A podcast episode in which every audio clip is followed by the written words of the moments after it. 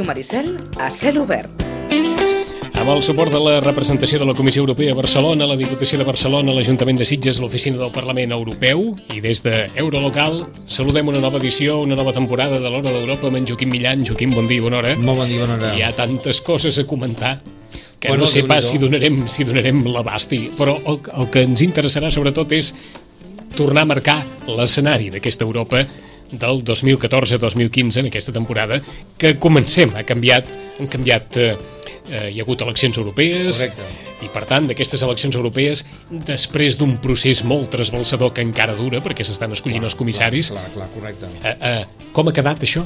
Bueno, vam dir unes eleccions al Parlament Europeu que ja vam, dir, vam una mica comentar i posar sobre la taula el darrer programa que vam tenir abans de l'estiu, doncs el resultat com, a, com el teníem. Uh, per tant, aquest resultat perfilava que en principi, uh, com es havia comentat amb la campanya, era una campanya diferent a les europees, a les habituals, perquè uh, amb el resultat majoritari uh, el, el nou president de la Comissió Europea hauria de ser d'aquella família política. Mm? Va haver-hi també en aquell moment eh, dies després de les eleccions pues, alguna, bueno, eh, allò que dius globus sonda com dient, bueno, si no fos així què passaria? Uh -huh. amb la qual eh, tots vam dir home, llavors això comença a ser poc sèrio eh? si, si alguna cosa és sèria això ja comença a ser poc sèrio. Tornem a refrescar la memòria, Joaquim, Parlament Europeu, Parlament Europeu, Comissió Europea, Comissió Europea. Òrgan executiu, correcte eh? doncs tenim el Consell, eh? que ja són els Consell. estats, que són els que realment eh, Eh? eh? mouen els fils perquè ens entenguem. Ja ho sé que cada any ho recordem, eh? col·loquial, però és que és important, eh? Parlament Europeu, Comissió Europea i El Consell, I que el Consell.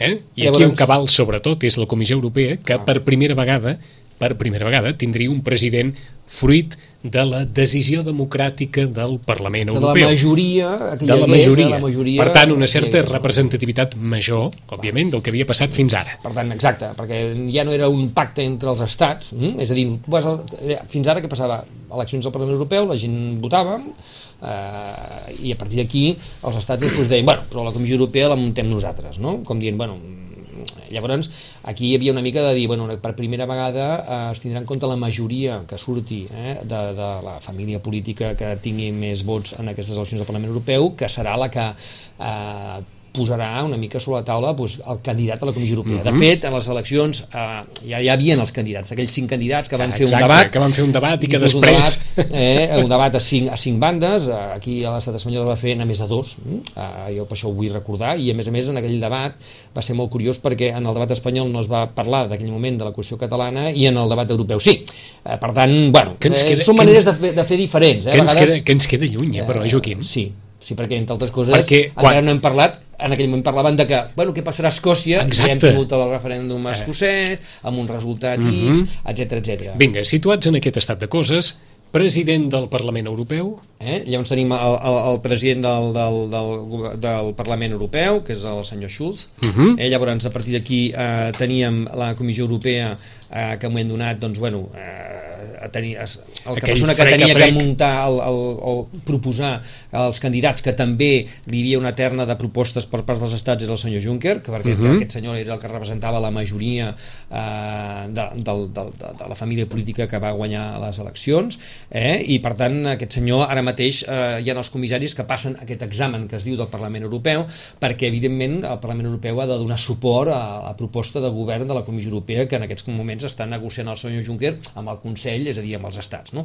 Aquí tenim, doncs, bueno, que fins... fins eh, és a dir, encara estem en un procés intermig, Sí, Joaquim? perquè teòricament, si tot va bé, l'1 de novembre, eh, per tant, fins i tot encara queden, Sí. eh, l'1 de novembre hauríem de tindre ja la nova comissió. D'acord. Que quedi clar que, per tant, la Comissió Europea està formada per el president i aleshores com ho diríem? Això com una mena de ministres? Bueno, són, són els comissaris. Són els comissaris, els comissaris a proposta de, dels estats. Eh? Mhm. Això sí, eh? a proposta dels estats, encara el Consell es guarda, doncs, bueno, el meu candidat, per exemple, en el cas d'Espanya, eh, doncs, bueno, per al govern espanyol, que és el Partit Mhm. Popular, doncs diu, eh, escolta'm, el nostre comissari serà el senyor Cañete. Cañete. I ha per passat tant, el que ha passat. Ja ha passat el que ha passat, que de fet, bueno, eh, de fet eh, era un dels candidats, com el, també el, el, el candidat, eh, en aquest cas em sembla que era el, el francès, eh, mm, el Pierre Moscovici, que també, eh, bueno, també havia tingut problemes en aquest, entre cometes, examen dels Mhm. sí, sí. parlamentaris. Diguem que no? estan passant una revàlida ara. Exacte, i llavors, bueno, entre altres coses perquè a Europa també, això també està bé, vull dir, eh, en aquest cas, doncs, el Parlament Europeu, com que ha d'aprovar tota la comissió, doncs, bueno, els ministres eh, també venen, a, en aquest cas els comissaris, eh, també venen a explicar quin serà -huh. en la cartera que teòricament eh, d'una manera... Executarien. Eh, executarien, doncs, bueno, primer que no hi hagi incompatibilitats, després eh, que aquí és una mica, doncs, en aquest cas el senyor Canyet ha tingut problemes d'incompatibilitats perquè li ha tocat la cartera d'energia i clima, en el cas energètic, i com que tenia interessos personals amb empreses, familiars, etc molt vinculades a l'àmbit de l'energia, del petroli, etc, doncs bueno, ha tingut que intentar, en aquest cas, demostrar que no hi havia aquestes incompatibilitats. Per no? explicar-ho una fàcilment, cada comissari passa, com si diguéssim, un examen, un examen. abans d'arribar. un examen. Eh? Però abans d'arribar també fan l'examen previ de dir, bueno, no em puc presentar amb segons quines coses perquè en el Parlament Europeu això, eh, a diferència de l'estat espanyol... Per per això- per això t'ho pregunto, eh? Vull dir, això té un cost. És que inclús els teus propis mm, et diguin, mira, és que no, no, amb aquestes condicions no podem. És, és inconcebible que tu tenint una, uns, uh, Uns interessos concrets en una àrea concreta puguis uh, ser comissari d'aquesta àrea. Per tant, ell va tindre correcuita perquè tampoc sabia la cartera que li tocaria. Ah. Eh? Això també vull dir, Sí, sí. a favor seu vol dir, home, no se'ls tenia que vendre corrents perquè igual li hagués tocat una altra cartera que no hagués tingut incompatibilitats. En el moment que sap que la cartera és aquesta i veu que té unes incompatibilitats, doncs, evidentment es treu de sobre Ahà. aquestes, entre cometes, incompatibilitats per I poder intenta entrar net, defensar-se. per poder entrar net en el- en el- en l'examen, Mhm. tenint en compte que tenia un altre un altre problema, que era el problema d'aquelles declaracions que va fer en campanya, que també li han passat certa factura, eh, perquè no van ser massa afortunades, no? i per tant, en aquest sentit, mm, tenia dos, dos, Ahà. dos problemes a priori eh, per passar a l'examen que ha anat intentant solventant, a part de que doncs, bueno, també hi ha hagut el joc que hi ha de Mhm. pressions, el joc d'allà de dir, bueno, pues, escolta'm, si tu em dones suport en aquest... Influències suport allà, diverses. eh, canviem cromos, perquè no me fa... Fes-me un examen, però Mhm. home, eh, vale, estic d'acord que li facis preguntes difícils, però no me'ls suspenguis, perquè ens entenguem, no? Que quedi clar, però, que fins l'1 de novembre s'està formant ara el que és el govern de la Comissió Mhm. Correcte, Europea, que és d'alguna manera el govern executiu de la Unió De Europea. totes maneres, en el cas Canyet em va sorprendre una cosa que és curiosa, eh, que bueno, entre la, la seva nova declaració de patrimoni en aquest moment surt un, surt un tema d'aquell sobresou que va cobrar eh, pel partit, en aquest cas pel Partit Popular, que en altres ocasions, per ser, per exemple, diputat o ministre espanyol, doncs no ho has de declarar, no? cosa que també dona el sentit de que a Europa tenim certes garanties que poder a altres indrets més propers no les tenim perquè allà, bueno, doncs, eh, ho has de declarar tot. Eh? Vull dir que no passa res, eh? vull dir que tu pots cobrar d'on faci Sí, falta, sí, però, sí. que Però en qualsevol tu- cas ho has de dir. Ho has de dir, ho has de dir, no pots dir, bueno, això ho amago, això tampoc ho dic, això no cal, no, no, allà ho has de dir tot, perquè si et pillen amb una cosa d'aquestes, que és el que anava una mica abans, Mhm. Sí.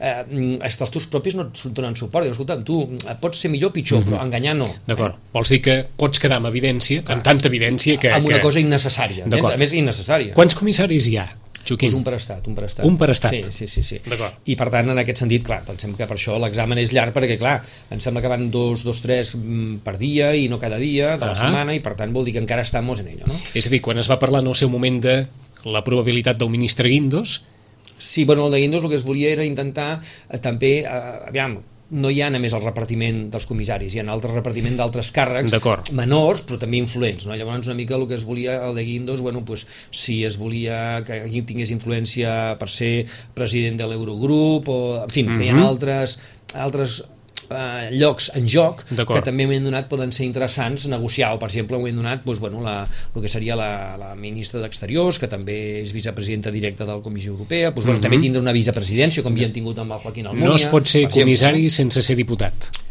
Bueno, aquesta és una de les coses que en aquests moments eh, durant Estan. la campanya estan, eh? vull dir, es va una mica eh, no és, és així 100%, eh? perquè no hi ha l'obligatorietat. És a dir, no és una con- no és una condició sine qua non, eh? No, era una qüestió aconsellable de que en moment donat doncs, eh, poguessin ser diputats perquè era una mica el que et donava la, la fermesa Ahà, que, de la representativitat, mínim, no? eh, aquesta persona com a mínim, a les europees, perquè pot ser que mm, també deia, bueno, jo també he sigut escollit eh, en el meu país, però clar, només en el meu país, a nivell europeu no, no? per tant hi hagués aquesta legitimitat, no? perquè jo crec que també les formes eh, cada vegada més s'han de cuidar més, especialment en un projecte com és l'europeu, que moltes vegades es tilda d'estar molt llunyà de la ciutadania, no?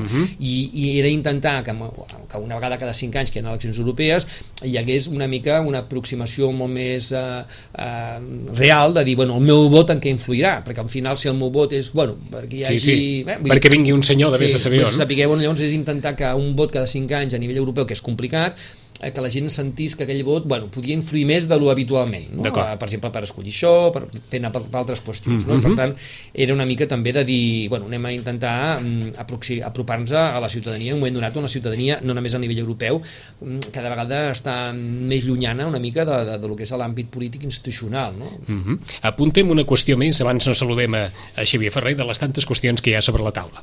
El referèndum a Escòcia. Ha sí. passat una qüestió també, una paradoxa molt singular, al Regne Unit de la Gran Bretanya, Sí. perquè per una banda els anglesos miren amb molt recel, cada vegada amb més recel, a la Unió Europea, i per altra banda els escocesos han participat d'un procés que al final eh, els ha continuat mantenint dins la Gran Bretanya, Correcte. però que sobre la taula eh, vaja, ha estat allò que en dirien els castellans un òrdegó al, al sistema, uh -huh. i el sistema ha aconseguit entomar aquest uh -huh. repte dels escocesos i, per tant, possibilitar. Hi ha, per tant, aquestes dues qüestions. Què, fa, què passarà amb la Gran Bretanya al final i el seu encaix dins la Unió Europea? Bueno, hi ha l'altra pregunta, dir, també en un moment donat el Cameron va dir, i és un tema que ja planeja amb la política britànica, però també la política europea, el famós referèndum per si donat els britànics volen sortir. Bueno, això mateix t'ho dic. I per tant, això encara no s'ha confirmat de dir es farà sí o sí, Ah. però s'està dient tantes, dit tantes vegades que depèn de com la política britànica arribi a les properes eleccions, doncs igual un dels compromisos en Ah. ferm serà aquest, Una de de, fer la, això una de les cartes pot ser una de les aquesta, cartes reafirmada que si jo guanyo el faré eh? de la mateixa manera que el Cameron va dir bueno, mm, jo sóc un demòcrata i per tant encara que pugui anul·lar, encara que no m'agradi encara que pensi que és un error, etc etc, jo per sobre sóc un demòcrata i crec en la democràcia i per tant en aquest sentit pues, eh, M'hi deixo- mullo. deixo, m'hi mullo Eh. i deixo que hi hagi aquest referèndum que es demana des d'Escòcia doncs eh, jo crec que si arriba el moment eh, ell, ell i, i es compromet ho farà, ho farà amb el resultat que pugui sortir, que Ahà. vull dir que no sabrem, no sabrem eh? Des Després del- es farà la campanya que pertoqui, Està clar. eh? com un moment donat... Eh... Des del punt de vista pragmàtic, té sentit que les institucions europees, la Unió Europea en general, davant de processos com el d'Escòcia o com el de Catalunya, diguin això són processos interns dels estats i Bueno, aquesta és una mica la versió oficial. Oficiosament, la, eh, els, els funcionaris de la Unió Europea doncs, no deixen de veure això amb certa preocupació. Preocupació no vol dir negativitat, eh? perquè a vegades dius, estic preocupat. Ostres, és que és negatiu. No, estic preocupat perquè això eh, obre un nou escenari que poder en aquests moments no teníem encara plantejats perquè mm, fins ara teníem una mica la visió de l'ampliació de la Unió Europea és una ampliació externa, no? Quanta gent s'hi suma? No havíem plantejat una ampliació interna. Eh, no era l'objectiu. Eh, quan es va crear la Unió Europea era anar sumant estats dels que existien. Eh, ara hi ha com un procés a l'inversa de dir, bueno, ens ampliem se- sent els que som perquè ens ampliem des de dintre, no? Per tant, això no es havia plantejat, no? ara també refrescarem la memòria. Oi que no ha marxat ningú de la Unió Europea? No.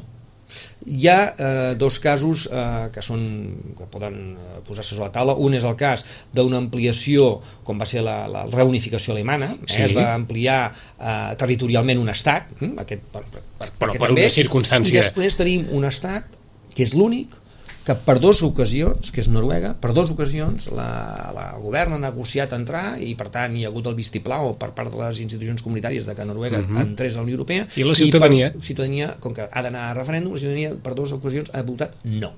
Per tant, és l'altre cas, i en l'altre cas una mica així, uh -huh. interessant d'explicar eh, en quan parlem de... Però el que no s'ha donat mai és que No, un no. estat membre de la Unió Europea I marxo i, i marxi. marxi. marxi. Hem anat sumant fins ara, de 6 a 28. Eh, suposo també, des de la- l'experiència i el coneixement d'en Joaquim, Catalunya no és un estat dins de la Unió Europea, No, no. avui dia no. Catalunya és un país dins un estat que forma part de la Unió Europea. Correcte. Xavier Ferrer, bon dia i bona hora. Bon dia. Catalunya és un país que forma part d'un estat que està dins de la Unió Europea. Sí, sí, sí. Sí. Bueno, país podríem dir fins i tot nació. Eh, és el que anava a dir, dir que va, atrevim-nos a dir nació. No, va, nació, que no, que no és una terminologia jurídica, que és més una terminologia doncs, de sentiment o ideològica, no? Eh, eh, podem Però- començar per aquí? És un espai, un espai, una zona de la Unió Mhm. Europea, però que forma part de l'estat espanyol. Com que, com que durant Europea, aquests... Com sabem, és una Mhm. unió d'estats. Com que, com que durant aquests dies no parlem d'una altra cosa, eh? Sí. si diem país, si diem nació, si diem estat, què estem dient? Home, estem dient tres coses diferents. Vinga, Eh, o per entendre'ns, comencem pel, per l'últim. Eh, L'entramat institucional i jurídic de la Unió Europea i dels estats que conformen la Unió Europea, eh, la terminologia és estat. Eh? Els estats conformen uh -huh. la, la Unió Europea i la van crear, com el Joaquim ja ha explicat, o heu parlat el que és l'últim que sentia, Sí. ja fa pràcticament, diguem, 60 anys, amb 6 estats membres, i ara són 28 estats. Uh -huh. pues, sota els estats hi ha el concepte doncs, eh, de regions, des del punt de vista de Brussel·les. I en aquí, en l'àmbit de d'aquest és allà on estaria Catalunya. Després Catalunya, el procés, eh, eh, no cal incidir, és el que es parla cada dia, tots sabem allà on estem i volem ser, o es vol ser, algú més que això. Des del, punt, des del punt de vista de la Unió Europea, vist des del pragmatisme més, més absolut, es tractaria d'una regió que vol decidir? Perdó, em pots? Des del, des del punt de vista de la Unió Europea, el que està passant a Catalunya, el procés, es podria definir com una regió que vol decidir? Sí, sí, sí, però aquest concepte de voler decidir tampoc és un concepte, diguem, reconegut en l'àmbit Mhm. jurídic europeu. Per tant, per centrar-ho, eh, repeteixo, és, un, és important entendre-ho així, la Unió Europea és una unió dels estats que la conformen. No? Llavors, jo diria que ja ho heu comentat abans, eh, fins ara hi ha hagut una integració d'estats de 6 a 28 Sí. i això està regulat pels tractats, pels diferents tractats, que un tractats de la Unió Europea des de l'any 57 es van incorporant als diferents tractats i conformen, diguem, la normativa europea. Eh, aquesta, aquesta norma europea, aquest entramat, diguem, jurídic, estableix la manera de que un estat formi part, un estat nou formi part de la Unió Europea, però no està establert el Mhm. cas, diguem, que hagués pogut ser d'Escòcia, si hagués sortit que sí, o el que es pretén a Catalunya, que és eh, un estat que forma part de la Unió Europea, diguem, convertir-ho en dos. Eh?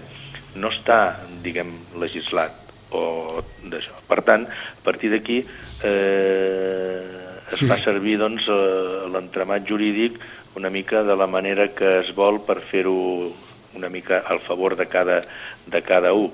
Eh, jo aquí el que hi posaria, i crec que és el que falta, el que falta en el, en el debat, és que la situació eh, sobrepassa el concepte jurídic i entra en la vessant política Uh -huh. i s'ha de fer política.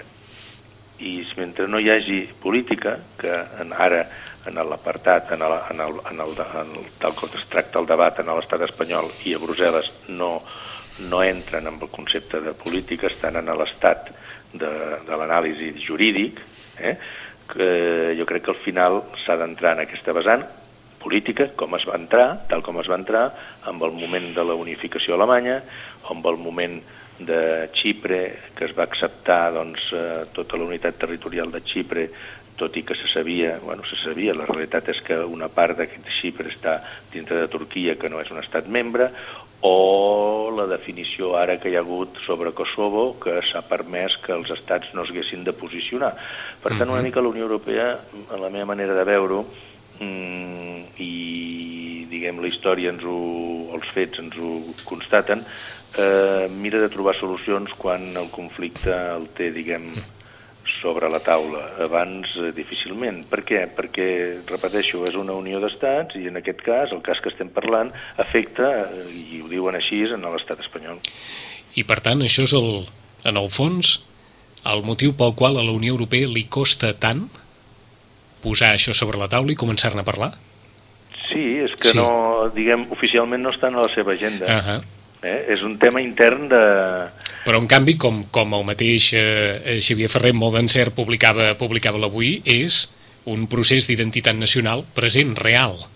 Sí. Tant el d'Escòcia com el de Catalunya com el de qualsevol altre que es pugui esdevenir, no? La realitat és la que és, la que es veu, la que, la que, es, pot, la que es pot copsar, no? Sí, però aquest és, aquest és el que jo dic a l'àmbit polític, l'àmbit de, de la Sí, sí. realitat social i política del moment, que en, en aquests moments no està, diguem, legislat en l'entramat Mhm. jurídic de la, de comunitari de la Unió Europea. També té un punt de paradoxa perquè la Unió Europea que ha legislat sobre tot i sobre tothom eh, eh, aquí no hi ha arribat a ficar el nas, eh? És, és lògic, eh? És lògic? Té, té la seva lògica, perquè, Vinga.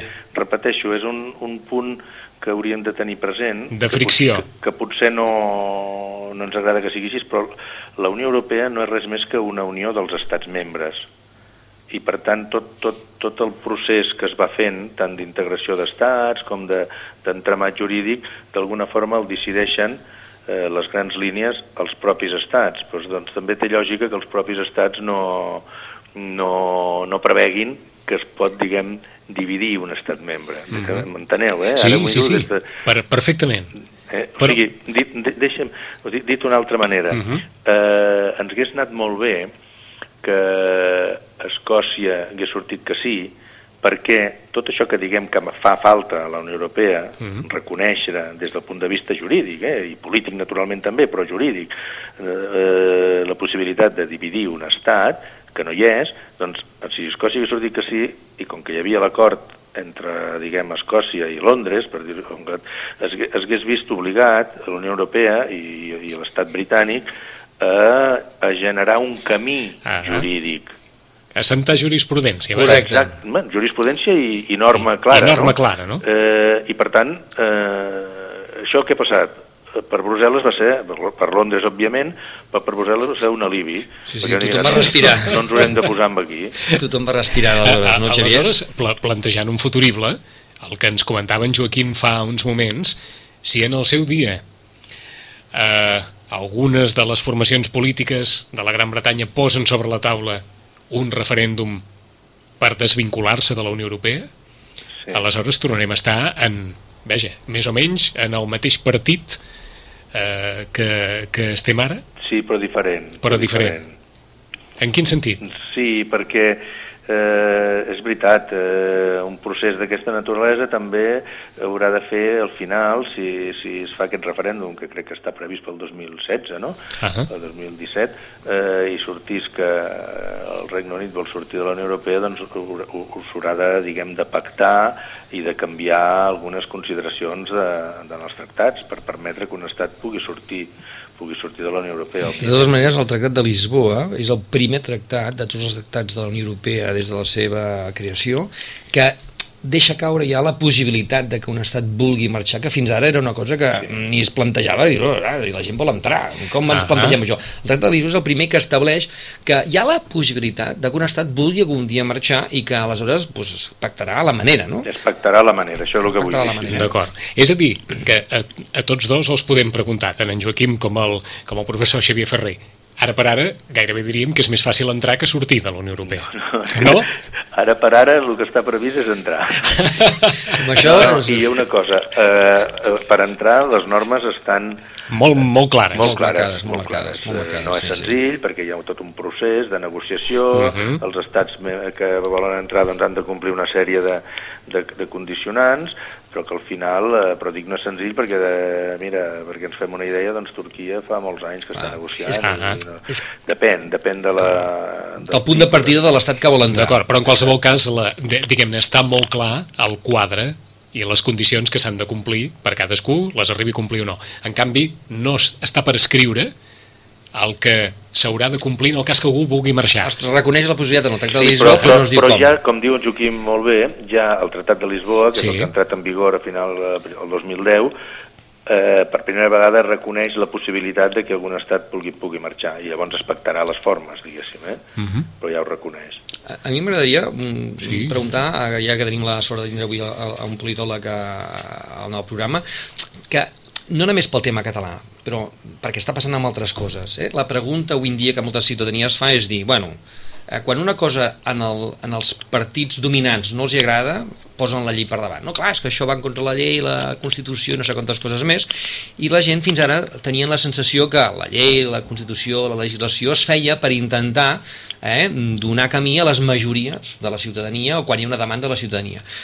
Què no està passant només amb el tema català, perquè és evident amb aquest, no? Eh? però també està passant en altres llocs.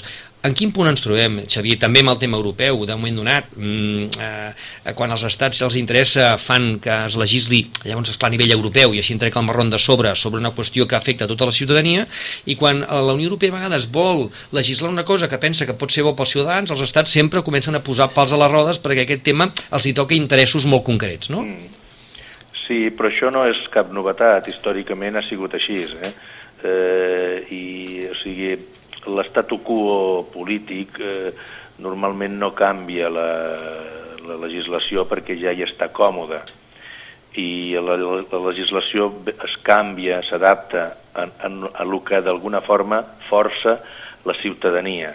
Posem un exemple clar, aquí a l'estat espanyol, això que tant s'ha escrit de la transició de la democràcia dels anys, diguem, 70, mm, si no hi hagués, si no hi hagués hagut la pressió popular pel canvi, eh, no, no es hagués fet, fins i tot el mateix rei que havia jurat uh, seguir unes normes, doncs va transgredir i va apoyar la democràcia, però és perquè hi ha darrere una pressió popular. Jo crec que això, a més a més, ara, eh, que abans fa anys no hi era, s'estableixen formes no, de, de, que a través de, la, de les signatures de, de la ciutadania es puguin proposar canvis legislatius. Eh, jo crec que hi ha, hi ha un canvi fonamental en l'època, en el moment que estem del segle XXI, en l'àmbit occidental i concretament de la Unió Europea, no amb altres, amb altres zones, de que els governants cada vegada es veuran més obligats eh, a fer cas de lo que, de, les, de, la, de lo que reclama o demana la ciutadania. Per quins motius? Doncs perquè avancem des del punt de vista democràtic, avancem des del punt de vista de la, de la llibertat individual, a través també de les noves tecnologies la, ten, la gent té molta més informació i molta més formació i, i d'alguna forma serà molt difícil pels governants, que és el que s'està veient ara, eh, sostenir situacions a través de, de la defensa de, de, de la qüestió legal uh mhm. -huh. per frenar les peticions de la, de la ciutadania. Jo crec que a vegades la ciutadania no és conscient de la capacitat de, de força que té. I, per tant, jo crec que estem en l'àmbit, repeteixo, de, de la Unió Europea en aquest segle XXI amb un canvi que els polítics i els governants cada vegada hauran de fer més cas de, de les peticions de, de la ciutadania. Uh, fins on pugueu formular un futurible, fins a quin punt els ciutadans, els catalans, poden pensar que on no s'arribi des d'aquí es pot arribar des de la Unió Europea? Mm, jo diria que això va junt. Això va junt. Eh, L'ideal seria el que es va fer en el, en el Regne Unit, no? que hi va haver l'acord. Aquí jo el veig pràcticament pràcticament impossible. Uh mhm. -huh. eh, es tractaria de que si, com diu el president Mas, que ho diu clarament, que ell arribarà allà on d'alguna forma vegi que li demana el poble o la ciutadania. Ara sembla que la ciutadania està en aquesta línia i amb els 3 11 de setembre i, i tot aquest moviment per votar i tot això, doncs eh, eh el crec que si se segueix amb aquesta línia s'arribarà a un punt que serà segurament inevitable algun tipus, diguem, de conflicte. En conflicte parlo en, en positiu, o sigui, en positiu amb el Polític, sentit que no ha de ser un conflicte, eh, diguem, de força o així, sinó un conflicte que passi, que depassi el, en, en l'àmbit internacional i que des d'aquest punt de vista d'alguna forma també s'insti en l'Estat a, a trobar solució en, en aquesta, diguem, nova realitat o nova petició. Us ho pregunto per aquells que puguin, no sé, mantenir una certa esperança en l'empara de la Unió Europea per poder en algun moment pressionar, influir, eh, suggerir, exhortar eh, qualsevol sinònim de verb que impliqui eh, forçar un cert posicionament o un canvi de posicionament eh, de, de l'Estat o del govern de l'Estat respecte al que, al que estigui passant a Catalunya. Jo crec, jo crec que aquest, aquesta diguem, pressió o aquests suggeriments ja hi són. El que no hi poden ser és oficialment. Perquè no estan coberts per, per la legislació. Eh, però ja hi són, de que i des d'àmbits empresarials i d'àmbits institucionals d'alguna forma es demana en, en, les, en, en el govern espanyol que, que mogui fitxa també, no? que se solucioni des d'un punt, oficialment es diu des d'un punt de vista d'intern de, de l'estat espanyol, però que es busquin solucions. El problema és també que una mica la, la situació interna de, de l'estat, de, del govern espanyol, que també deu tenir les seves acotacions eh, per, per poder cedir, acotacions des del punt de vista, diguem, electoral i des del punt de vista, doncs, de, de pressions internes de, de, de, des d'Espanya, no? Per, i que abonen l'immobilisme. Però és probable que si això es tira endavant i es genera doncs, un, una situació diguem, amb un cert problema o conflicte i de passi en l'àmbit internacional doncs s'exhortin a les parts a, a negociar o trobar una solució. Mm -hmm. sí. Tan acostumats que estem a, a, a parlar de política, així obertament, amb tertúlies de tota mena, i tan poc acostumats que estem al debat polític, pel que sembla en situacions com aquesta, eh? Sí, sí. sí però Déu-n'hi-do, déu nhi déu, déu i el debat en, en, en el país, eh, a Catalunya, que hi ha, eh? perquè si ens fem una anàlisi de com estava el país, no a parlo, que també podríem parlar-ne des del punt de vista econòmic, no? amb tot el sí. de la crisi i tal, però des del punt de vista d'identitat nacional fa cinc anys eh, no té res a veure amb, amb ara. Eh? -huh. I eh... aquest, també, aquest també és un debat de drets fonamentals? No, jo crec que és un debat eh, de que s'arriba s'arriba amb, una, amb una situació de, de país de que es diu prou. Es diu prou i l'altra banda, l'Estat en aquest cas, no té, diguem, la sensibilitat d'entendre-ho i, i de dir, escolta, parem-ho abans. O sigui, això ja ve de, Clar. del... De l'Estatut. De la aquesta desafecció i aquest, de, del 2006 a 2007, quan es va, el, precisament el Partit Popular recollia firmes contra, contra l'Estatut, no? i després van anar al, al Tribunal Constitucional i el van retallar. Des de llavors quasi sembla que eh, totes les accions que venen de, del govern de Madrid eh, és una fàbrica, per dir-ho així, d'independentistes, no? perquè perquè des d'aquí es llegeix com una, una agressió. greuge en la, greuge, agressió. en la identitat nacional i també identitat o supervivència econòmica i s'ha arribat a la convicció de que així no podem seguir. Uh -huh. Segurament, però, un llicenciat en Ciències Polítiques i Sociologia i, i expert en temes de la Unió Europea, eh, eh, el que està passant aquí mm, ha passat és comparable a altres moviments socials que hagin, que hagin succeït en altres estats de la Unió Europea o té una singularitat, això?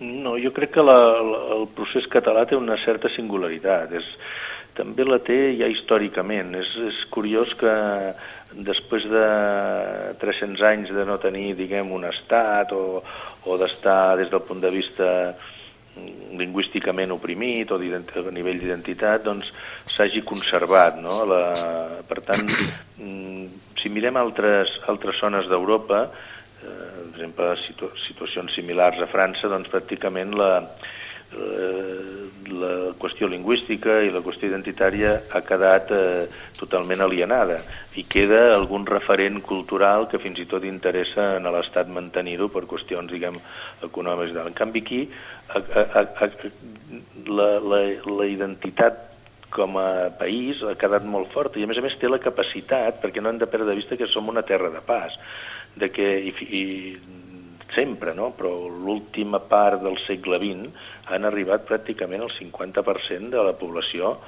de, de diferents llocs del món. Primer d'Espanya i ara del món, eh? o sigui, principalment de Sud-amèrica, que tenen un, un, un, una, una llengua que és, que és més la, que, bueno, és el castellà, no? I en canvi la identitat com a país se segueix mantinguent. Això és que hi ha com una força, unes ganes de, de manifestar-se uh mhm. -huh. internament com a col·lectiu i de fer-ho saber en el món, de que es vol seguir així. I jo crec que ara ja les, les premisses, fa 50 anys o 70 anys era impensable això, però les premisses de poder funcionar dintre del que és l'àmbit de la Unió Europea com un estat més sense pretendre res, perquè a vegades es vol dir no, és que els estats petits, i es diu, no, per, per desmitificar-ho, no? els estats petits no tenen sortida perquè el món cada vegada és més global, és igual, però els estats petits sí que tenen, poden funcionar dintre d'una àrea important, que jo això és el que també defenso en els articles que faig, de, de, la, de la Unió Europea. Al final és igual que la Unió Europea tingui 28 estats. Els Estats Units en té 50, no? Pues en pot tenir 29 o 35. L'important és que estigui cohesionada internament, vol dir que la gent, la ciutadania, les nacions que hi ha eh, s'hi sentin identificades i que col·lectivament formem una unitat perquè des del punt de vista econòmic i polític siguem influents en el món per defensar, la, al final el que es ha de defensar és la, la seguretat i la llibertat dels propis ciutadans, que són 500, 500 milions. I després, una cosa que és fonamental per engrescar la ciutadania és que hi hagi un relat europeu, en el cas de la Unió Europea, un relat europeu engrescador, suficientment engrescador perquè la gent s'hi senti identificada a banda de la cohesió econòmica, política, etc i mm, bueno, tingui aquell accent de dir, bueno, sí, em sento europeu o sentir-me europeu ho considero positiu, etc etc, cosa que podem la crisi eh, s'ha perdut una mica i per tant hi ha tota aquesta batalla de tornar a recuperar el relat europeu. De la mateixa manera que el relat americà és tinc un somni, Estats Units, vingui d'on vingui, del color que tingui, el puc aconseguir si sóc bo. Europa tenia el relat de dir, escolta'm, sortim d'una guerra, eh, ens hem juntat, hem progressat, eh, som els més demòcrates del món mundial i a més, eh, Europa, si un dit va malament les coses, tenim un sistema que no et deixa tirat. No? Eh? Això era una mica el relat que teníem a Europa i que podem la crisi una mica s'ha escardat. Jo crec que eh, Europa ha de tornar també a recuperar aquest relat, perquè necessitem un relat. De la mateixa manera que Espanya, eh, estàvem parlant amb el tema català, uh -huh. el problema d'Espanya és que no té un relat. Uh, no només pels catalans, sinó pels propis espanyols, a dir, un relat engrescador, per què, per què Espanya mm, uh, és una cosa que per mi ha de ser positiva, per què ser espanyol pues, pot ser una cosa positiva, mm, a banda del, del, del, del tema català, tu vas per altres comunitats autònomes i la gent, bueno, hi ha aquest debat que es diu, ah, la gent ha perdut l'espanyolisme, bueno, perquè no han sigut capaços de fer un relat suficientment engrescador de que et sentis a gust pertanyent a aquest estat. No ho han sapigut fer. I, i ara ho volen imposar, doncs, bueno, farem la ministra de la bandera, farem, tornarem... Bueno, imposarem. Les coses no s'imposen. Eh? Vull dir, tu has de seduir, has d'engrescar i, i has de tindre un relat verídic darrere, que no existeix. Una qüestió final pel professor, i aquesta és tan simple que és de gairebé de peu de carrer, de, de passejada, de sortir al carrer i que algú es trobi amb Xavier Ferrer i li digui Xavier, com acabarà tot això? Que no sé si és una, una pregunta que li han fet li molt deuen Fer, li deuen fer sovint. Li deuen fer. Sí, Allò, no, no, mira, jo com acabarà tot tu això? Tu que vas molt per Europa, com ho veus això? Com acabarà no, tot te, això? Te la responc amb, amb, amb dos, amb dos eh, informacions que d'ahir. Ahir el, el president Mas, en, en un acte en l'Ateneu, que sí. no, no, no hi era jo, però a l'altre lloc sí que hi era, que et diré, va dir ens hem d'acostumar ara a governar la incertesa, no amb la incertesa, la incertesa. Vol dir, o sigui, l'autoritat la, més important del país està dient que estem en un moment que no sabem, allò que se li demana quin plan B hi ha, que és el que demaneu vosaltres, com acabarà, doncs no se sap, perquè entrem en, un, en una fase que l'altra part no vol negociar o no, no ens entenem i llavors doncs, no sabem què irà passant. Eh? Eh, paral·lelament ahir mateix el conseller Mas Collell venia a dir de que, igual, de que no se sap ben bé eh, que hem d'estar ferms, hem d'estar serens, hem d'estar tal, però que no, no, o sigui, la pregunta es votarà el 9 de novembre, doncs no, no ho sabem, depèn de com evoluciona això. Això és a curt termini, però si ho passem, que és la pregunta que em feu, sí. a, llarg, a llarg termini, de què passarà, pues no, és difícil de preveure-ho. Mira, si voleu, es pot llegir la, el que han treballat, un, un exercici magnífic de, mm, de treball, la KTN, la, el Consell sí. de, per la Transició Nacional, nacional, que ha fet aquest llibre de mil i pico doncs, de pàgines, en l'apartat internacional, en l'àmbit que ens ocupa ara de la Unió Europea, ells preveuen quatre estadis possibles uh mhm. -huh. de, per la Unió, per Catalunya d'integrar-se a la Unió Europea. Uh -huh. Un que va des de la integració, diguéssim, ja, que és per, per en aquests moments impensable, sí.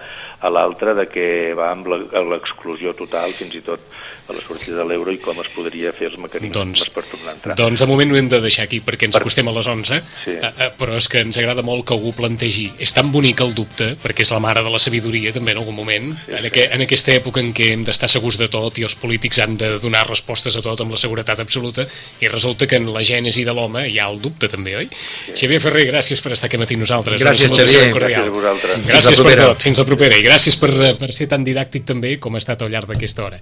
Joaquim, fins a propera. Fins a propera, Tornem gràcies. en 5 minuts. Fins ara.